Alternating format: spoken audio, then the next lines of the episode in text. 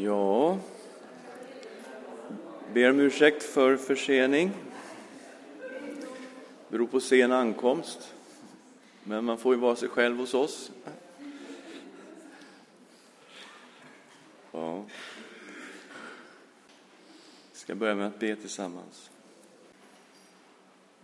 Herre, vi vet att all skrift är inspirerad av dig. Gudaandad. Och vi ser det inte minst när vi tränger in i Johannes evangeliet att detta är ditt ord.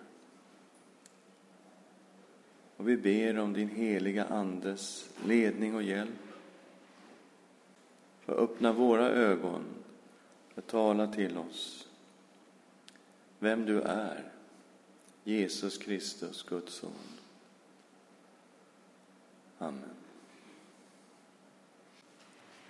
Ja, vi har ju börjat ett studium över teman i Johannes.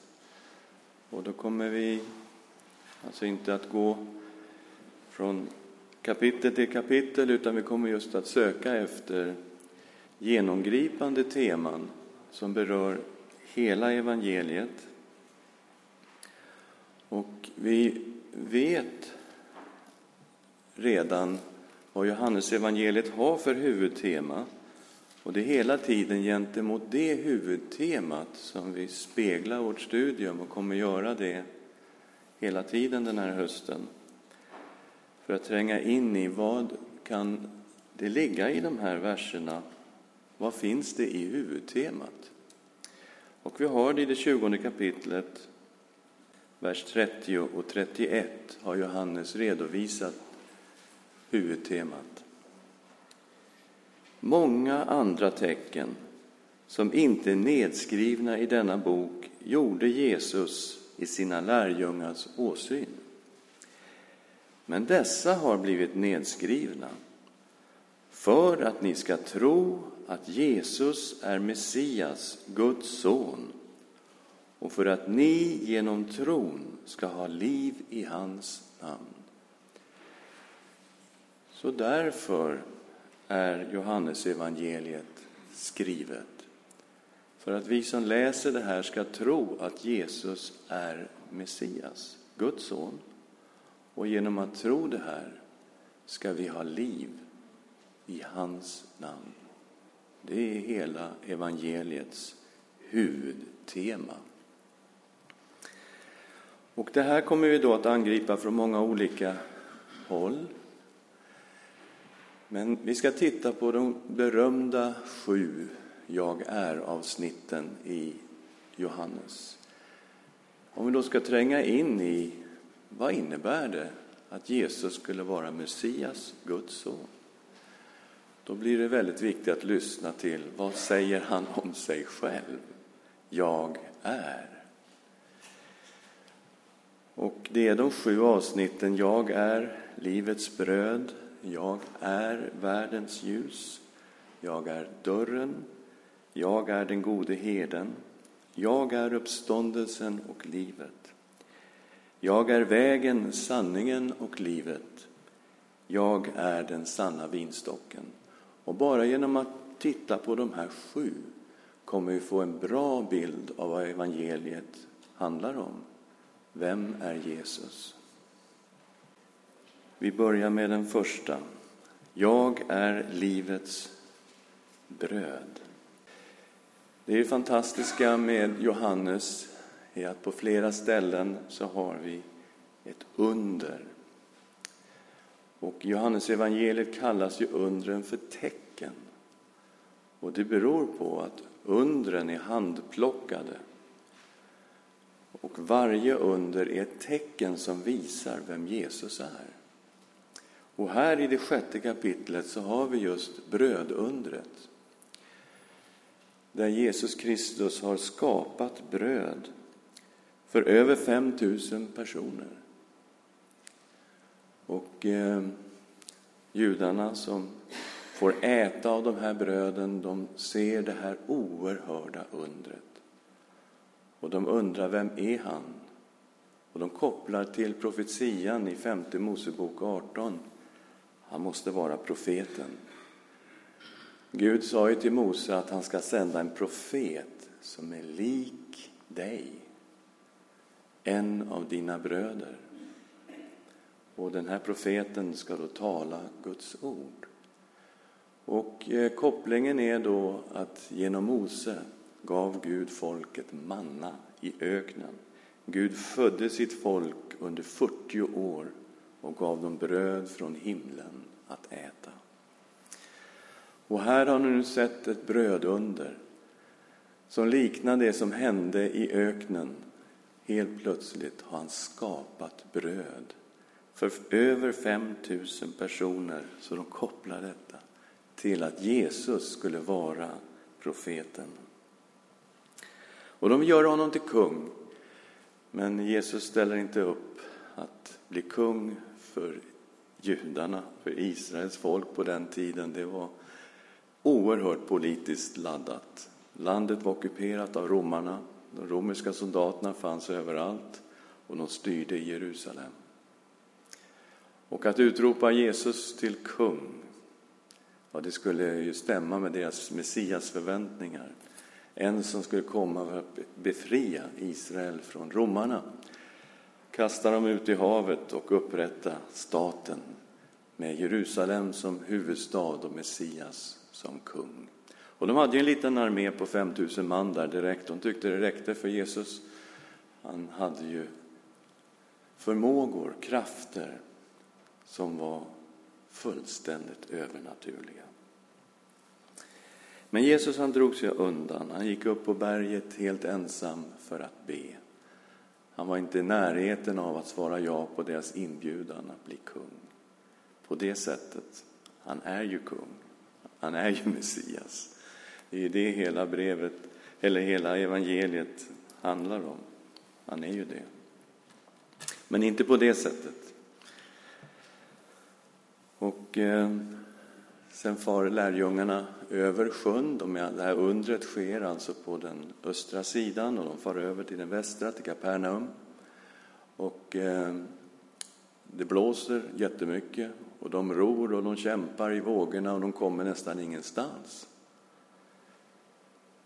Och så mitt i natten så kommer Jesus gående över vattnet och de blir vettskrämda.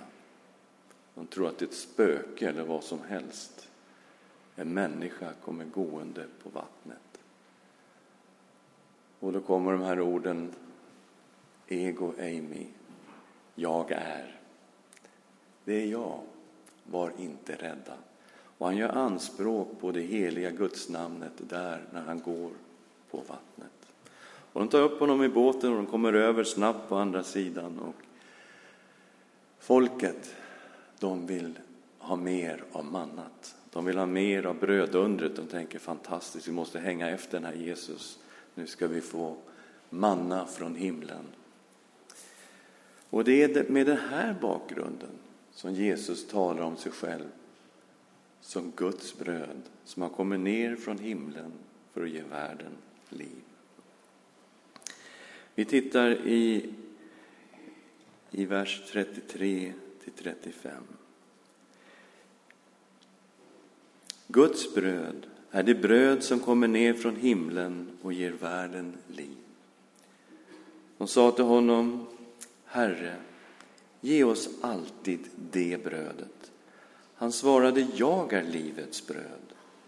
Den som kommer till mig ska aldrig hungra och den som tror på mig ska aldrig någonsin törsta. Ja, vilka, vilka anspråk, vilka löften. Aldrig i historien har en människa sagt något liknande. Den som tror på mig, den som kommer till mig, ska aldrig hungra, ska aldrig någonsin törsta.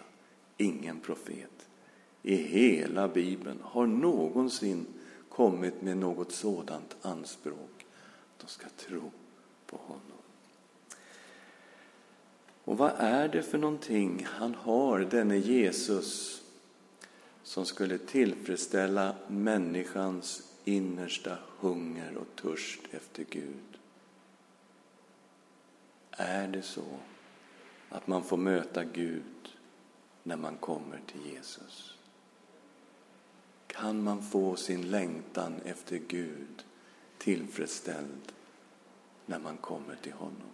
Är det på det sättet? I 51 versen läser vi Jag är det bröd som ger liv.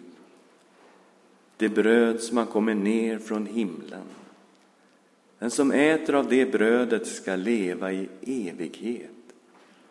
Och brödet jag ger är mitt kött för att världen ska leva. Hur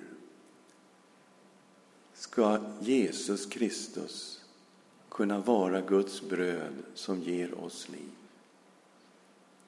Hur ska han kunna vara den genom vilken vi möter Gud? Vi människor som är så skröpliga, som är så svaga, som har så mycket misslyckanden i våra liv. Och ändå ska vi få möta Gud genom denne Jesus. Ja, vi förstår att det handlar om ett offer. Jesus talar om sig själv som ett offer i de här verserna. Att Guds bröd ska offras. Vi läser i vers 47 ner till 51. Amen, amen säger jag er. Den som tror har evigt liv. Jag är livets bröd. Era fäder åt manna i öknen och de dog. Men det bröd som kommer ner från himlen är sådant att den som äter av det inte ska dö. Jag är det bröd som ger liv, det bröd som har kommit ner från himlen. Den som äter av det brödet ska leva i evighet, och brödet jag ger är mitt kött för att världen ska leva.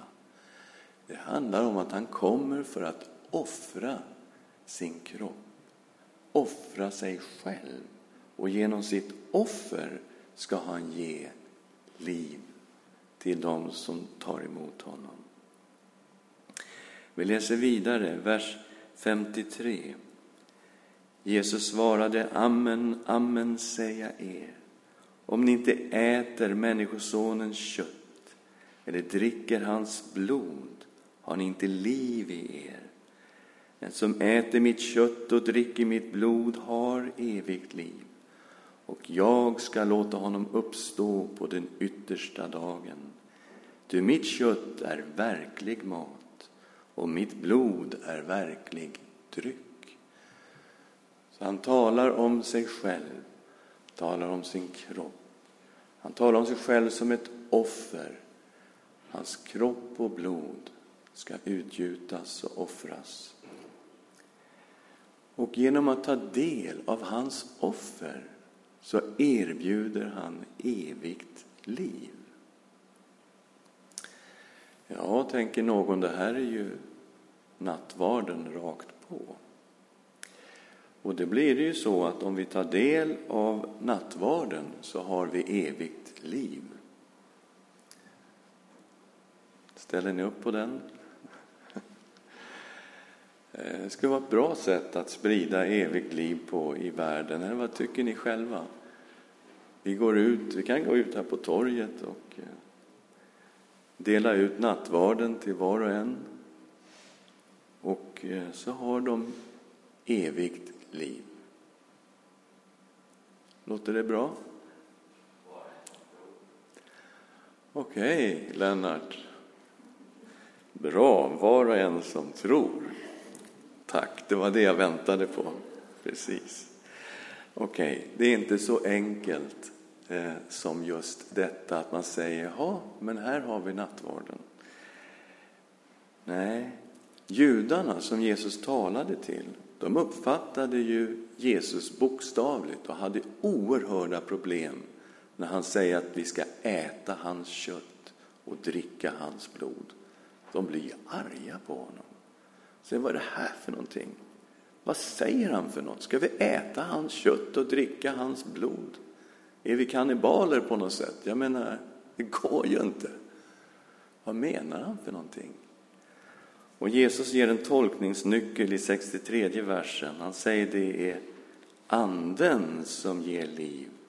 Köttet är inte till någon nytta. Det ord jag har talat till er är ande och liv.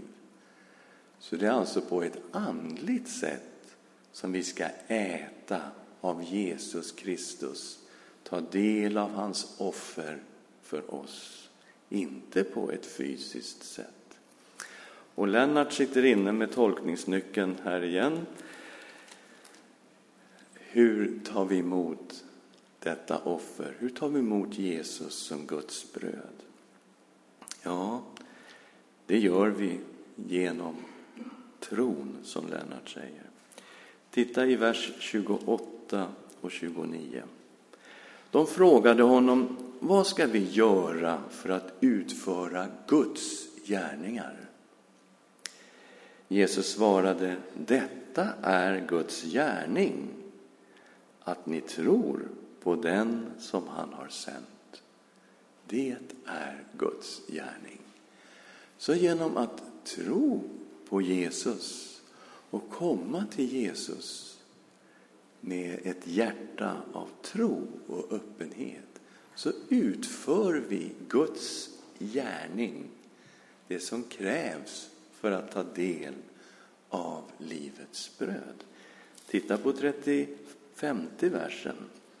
Jesus svarade Jag är livets bröd. Den som kommer till mig ska aldrig hungra. Den som tror på mig ska aldrig någonsin törsta. Så det handlar om att komma till Jesus. Det handlar om att tro på Jesus för att få del av det här livet som han ger. Och vi tittar också i vers 47 och 48. Amen, amen säger jag er. Den som tror har evigt liv. Jag är livets bröd. Så här har vi nyckeln. När vi kommer till Jesus, tar emot nåd, förlåtelse genom hans blod, genom hans offer för oss, då tar vi del av det här offret på ett andligt sätt och hans blod renar oss från all synd. Och i den här relationen med Jesus har vi evigt liv. Där ligger tyngdpunkten i den här texten. Evigt liv, det låter som någonting väldigt långt borta, eller hur? Eh, finns det här? Finns det nu.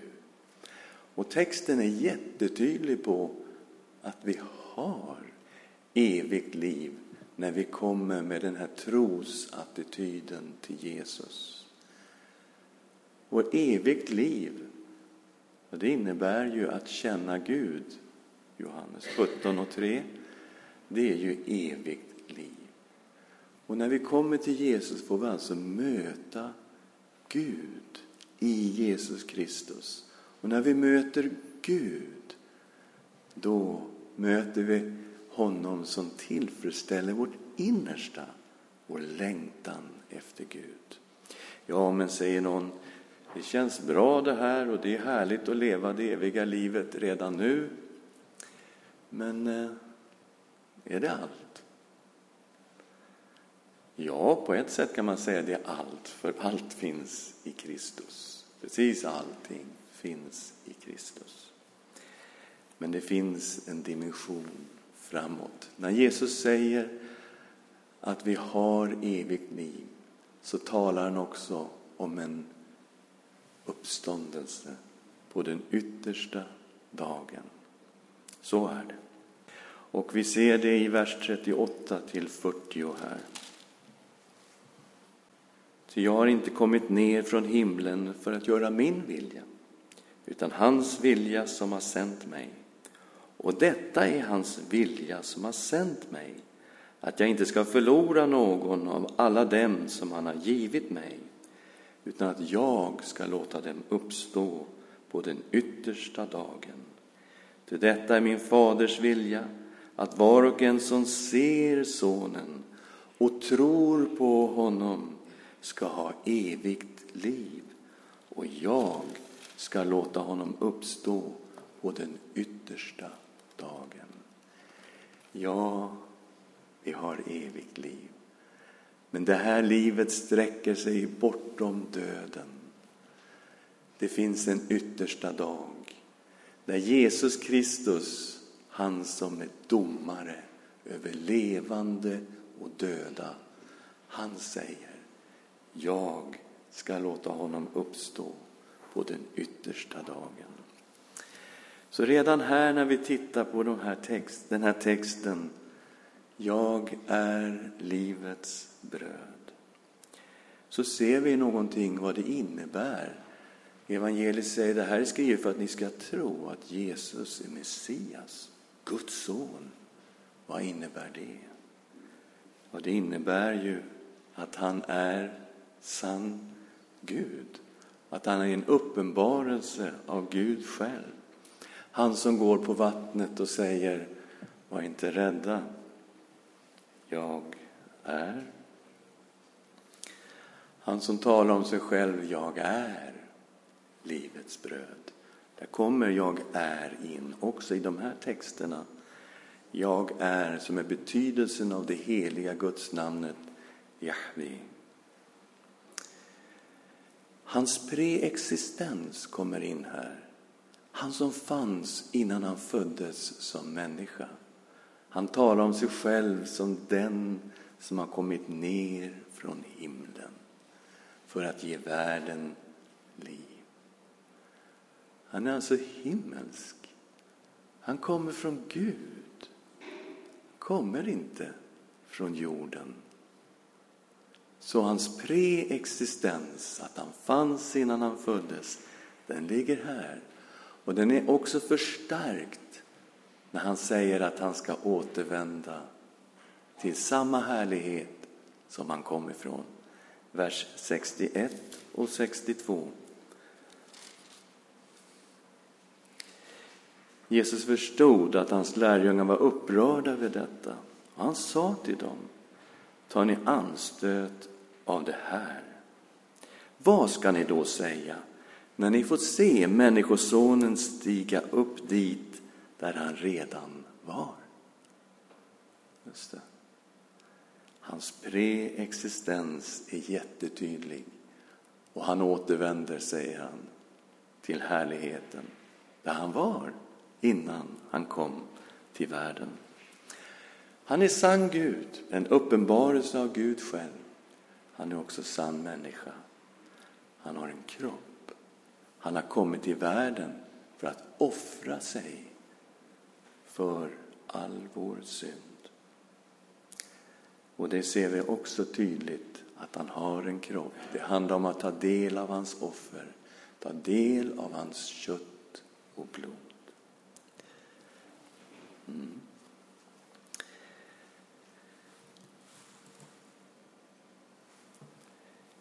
Vi går vidare till nästa jag är.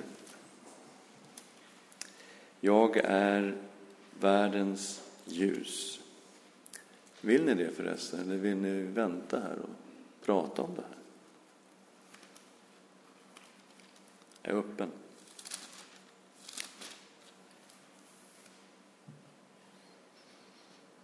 Jag tolkar tystnaden som att vi kör vidare. är det okej? Okay? Ja. Bra. Det här är ju också ett tema som går rakt igenom evangeliet om Jesus Kristus som ljus. Johannes 8.12 Jesus talade åter till dem och sa Jag är världens ljus. Den som följer mig ska inte vandra i mörkret utan ha livets ljus. Och bilden vi får här är att världen är väldigt mörk. Man liksom går i det här mörkret och man ser inte ett lingon framför sig, utan det är, det är mörkt. Man irrar i cirklar och man vet inte varifrån man kommer, man vet inte vart man går, man bara liksom går omkring i mörkret. Men det finns ett ljus. Jesus, jag är världens ljus. Den som följer mig ska inte vandra i mörkret utan ha livets ljus. Man kan alltså komma till det här ljuset och man kan gå i det här ljuset, följa Jesus i den här mörka världen. Ja, intressant bild i allra högsta grad. Jesus talar om sig själv i det nionde kapitlet, vers 5.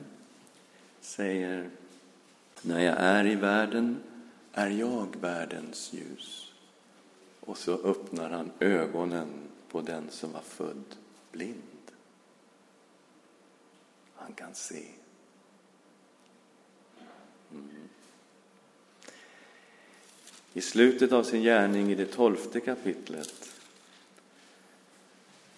precis det sista som händer av hans offentliga verksamhet, så talar han om sig själv som ljuset igen. I vers 35, 12.35, Jesus sa till dem, ännu en kort tid är ljuset bland er. Vandra medan ni har ljuset, så att mörkret inte övervinner er. Den som vandrar i mörkret vet inte var han går. Tro på ljuset medan ni har ljuset, så att ni blir ljusets barn. När Jesus hade sagt detta drog han sig tillbaka och dolde sig för dem. Ja, fantastiskt. Den som vandrar i mörkret vet inte var han går. Så är det. Men det finns ett ljus. Han heter Jesus. Och när vi vandrar med honom blir vi ljusets barn. Och vi ser och förstår varifrån vi kommer, vart vi går, att vi har evigt liv genom denne Jesus Kristus. Det här med ljus det är ingen eh, mänsklig egenskap vi talar om. Vi talar om något som hör Gud till. Gud är ljus, inget mörker finns i honom. Så står det i skriften i Första Johannesbrevet 1. När Gud skapade så står det att Gud skapade himmel och jord. Och jorden var ett sorts kaos. Jorden var öde, tom. Mörker var över djupet. Guds ande svävade över vattnet. Och i detta kaos, i detta mörker talar Gud, han som är ljus. Och så säger Gud, var det ljus. Och det vart ljus. Det var inte solen och månen han skapade. Den skapade han på fjärde dagen.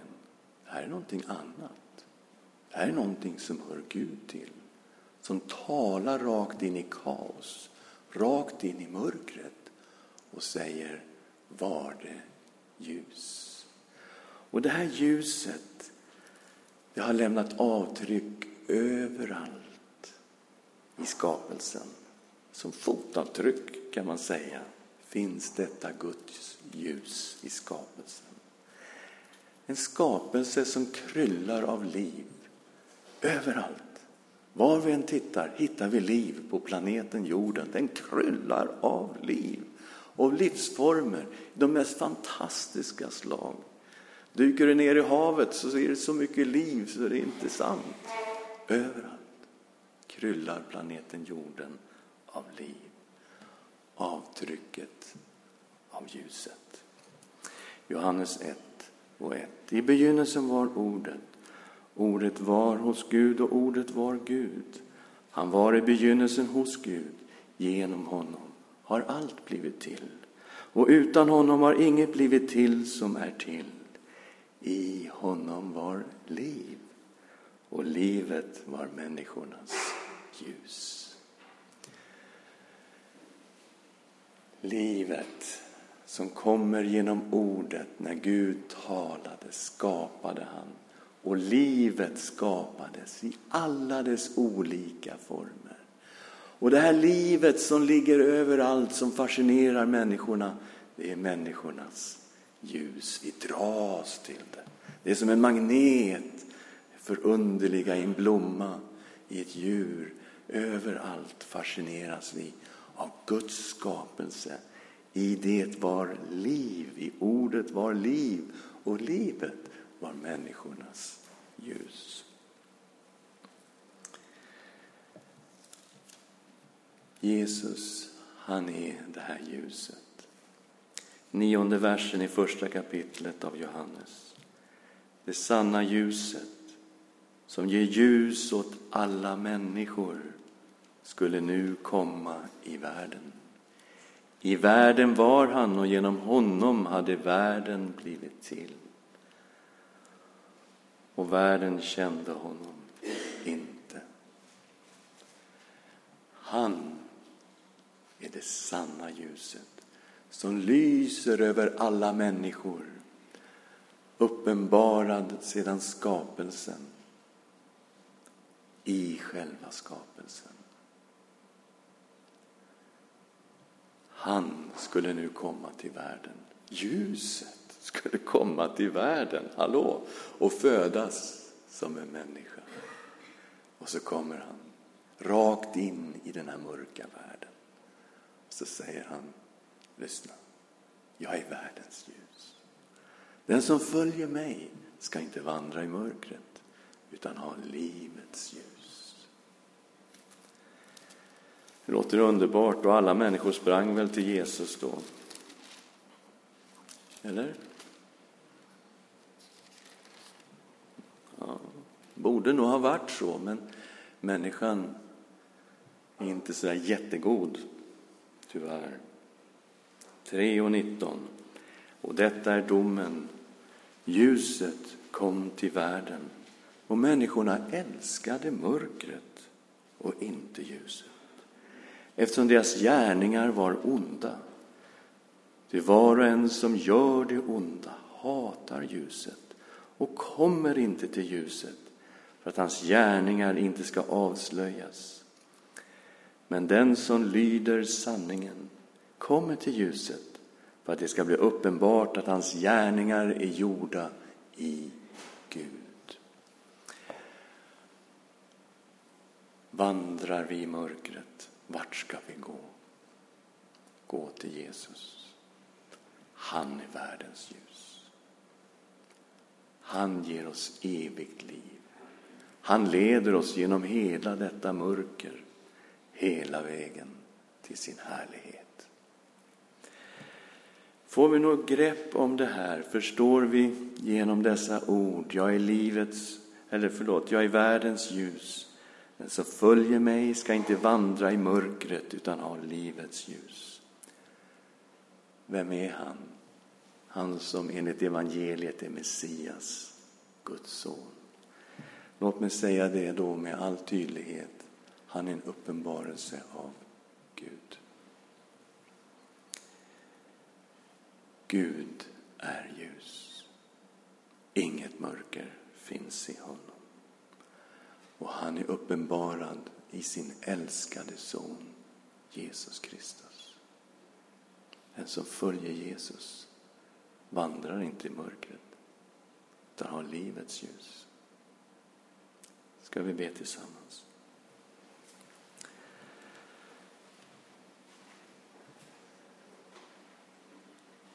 Tack Herre för ditt underbara ord. Du är den Gud som uppenbarar dig i skrifterna. Tack Herre att vi får komma till dig med just det här öppna hjärtat. Fyllda av tro för att ta emot av dig som är livets bröd. Du som är världens ljus. Herre Jesus, du är den som bor i oss genom din Ande. Och du är den som tillfredsställer vår innersta längtan efter liv, efter verklighet, efter mening, efter hopp, efter Gud. Tack Herre att vi har fått möta dig. Tack att du bor i oss, du som är livets bröd. Tack att du också är vårt ljus i denna mörka värld. Vi vill vandra nära dig och vara dina efterföljare och vandra i ditt underbara ljus. I Jesu namn. Amen. Ja, vi har tid kvar. Vad tänker ni om de här texterna?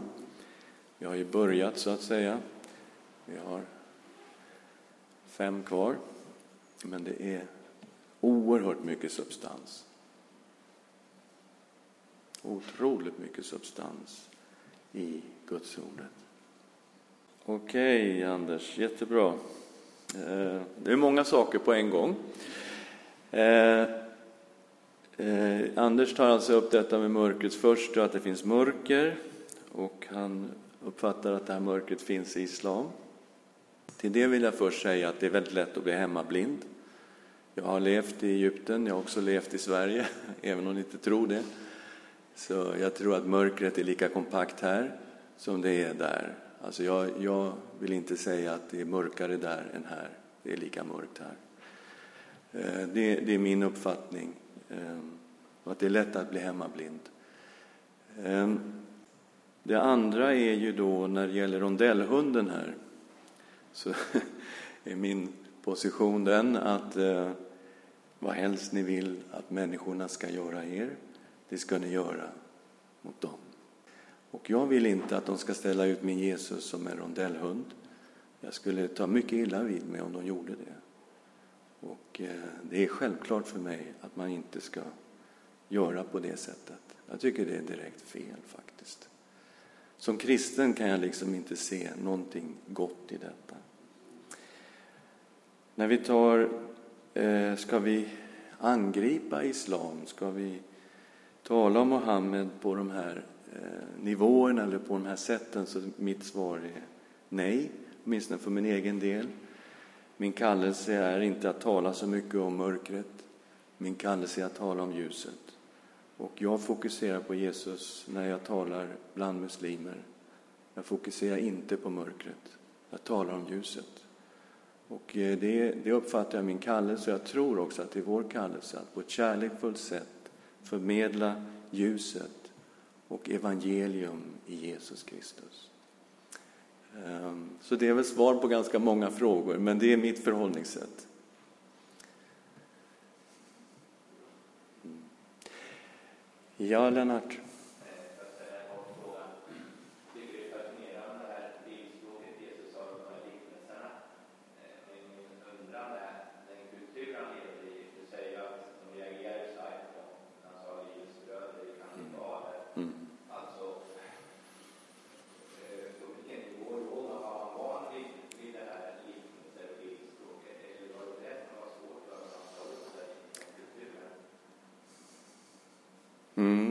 Det, är bra. Jag, jag, kan inte svara särskilt bra på den frågan, för att det är inte så lätt. Ehm, du undrar om, om, man, om de var vana vid det här uttryckssättet och varför de uppfattade att han talade om att äta och dricka hans blod på det sättet. Jag tror att de kom in väldigt snett i alltihopa. De hade ju en längtan av att han skulle ge dem manna från himlen. De hade ju fått brödundret. De försökte få Jesus på den, det spåret flera gånger i inledningen av den här texten, att han skulle fortsätta och ge dem bröd från himlen. Och när Jesus säger att Guds bröd är det bröd som kommer ner från himlen och ger världen liv, då tänker de, oj, nu har han äntligen fattat vad vi pratar om, för nu kommer det. Ja, ge oss alltid det brödet, säger de. Äntligen är vi i samförstånd, vi och Jesus. Nu kommer det bröd från himlen. Och så säger han, jag är livets bröd. Den som kommer till mig ska aldrig hungra. Den som tror på mig ska aldrig någonsin törsta. Och då blir det liksom ridå för dem. Va? Och sen han fortsätter att utveckla detta att han har kommit ner från himlen för att ge världen liv. Då blir de ju jättesneda på honom. Och säger, Vad, vadå? Vi vet ju vem hans mamma och pappa är. Det är ju de här Eh, som finns i Nasaret. Va, vadå? Han har, kommit ner från, han inte kommit ner från himlen. Okay? Så redan där är de fel inne, så att säga. Allting går fel. Va? De har enorma förväntningar på denne Jesus. Han ska bli deras kung, han ska gå mot romarna, han ska liksom sätta upp riket där och han ska ge dem manna. Det här är ju Messias förväntningarna vi talar om, va? som fanns på den tiden och han passar inte in alls.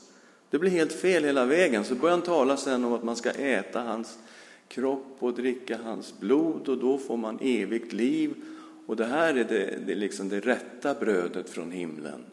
Och ingenting stämmer för dem. Så jag tror de kom fel in hela vägen och därför slog det ordentligt slint i slutet. Och de gick ju också därifrån. Det står ju att många av hans lärjungar sa det här är ett hårt tal, vem står ut med att höra på honom? Och så gick de därifrån. Och Jesus vänder sig till lärjungarna och säger till de tolv, eh, hur ska ni göra? Inte ska väl ni också lämna mig? Och så kliver en av dem som fattat vad Jesus sa fram. Han heter Petrus. Säger, Herre, till vem ska vi gå? Du har det eviga livets ord. Och vi tror och vi förstår att du är Guds helige. Jag menar, han, det hade ju sjunkit rakt in i hjärtat på Petrus. Så här har vi ju egentligen en motbild. Va? Visst, där Guds ande verkade rakt in i Petrus och han liksom bara sög in livets ord från Jesus. Mm. Okej, okay, vi kanske måste bryta här. Vi har ju snart en intressant gudstjänst framför oss. Och då kommer vi igen.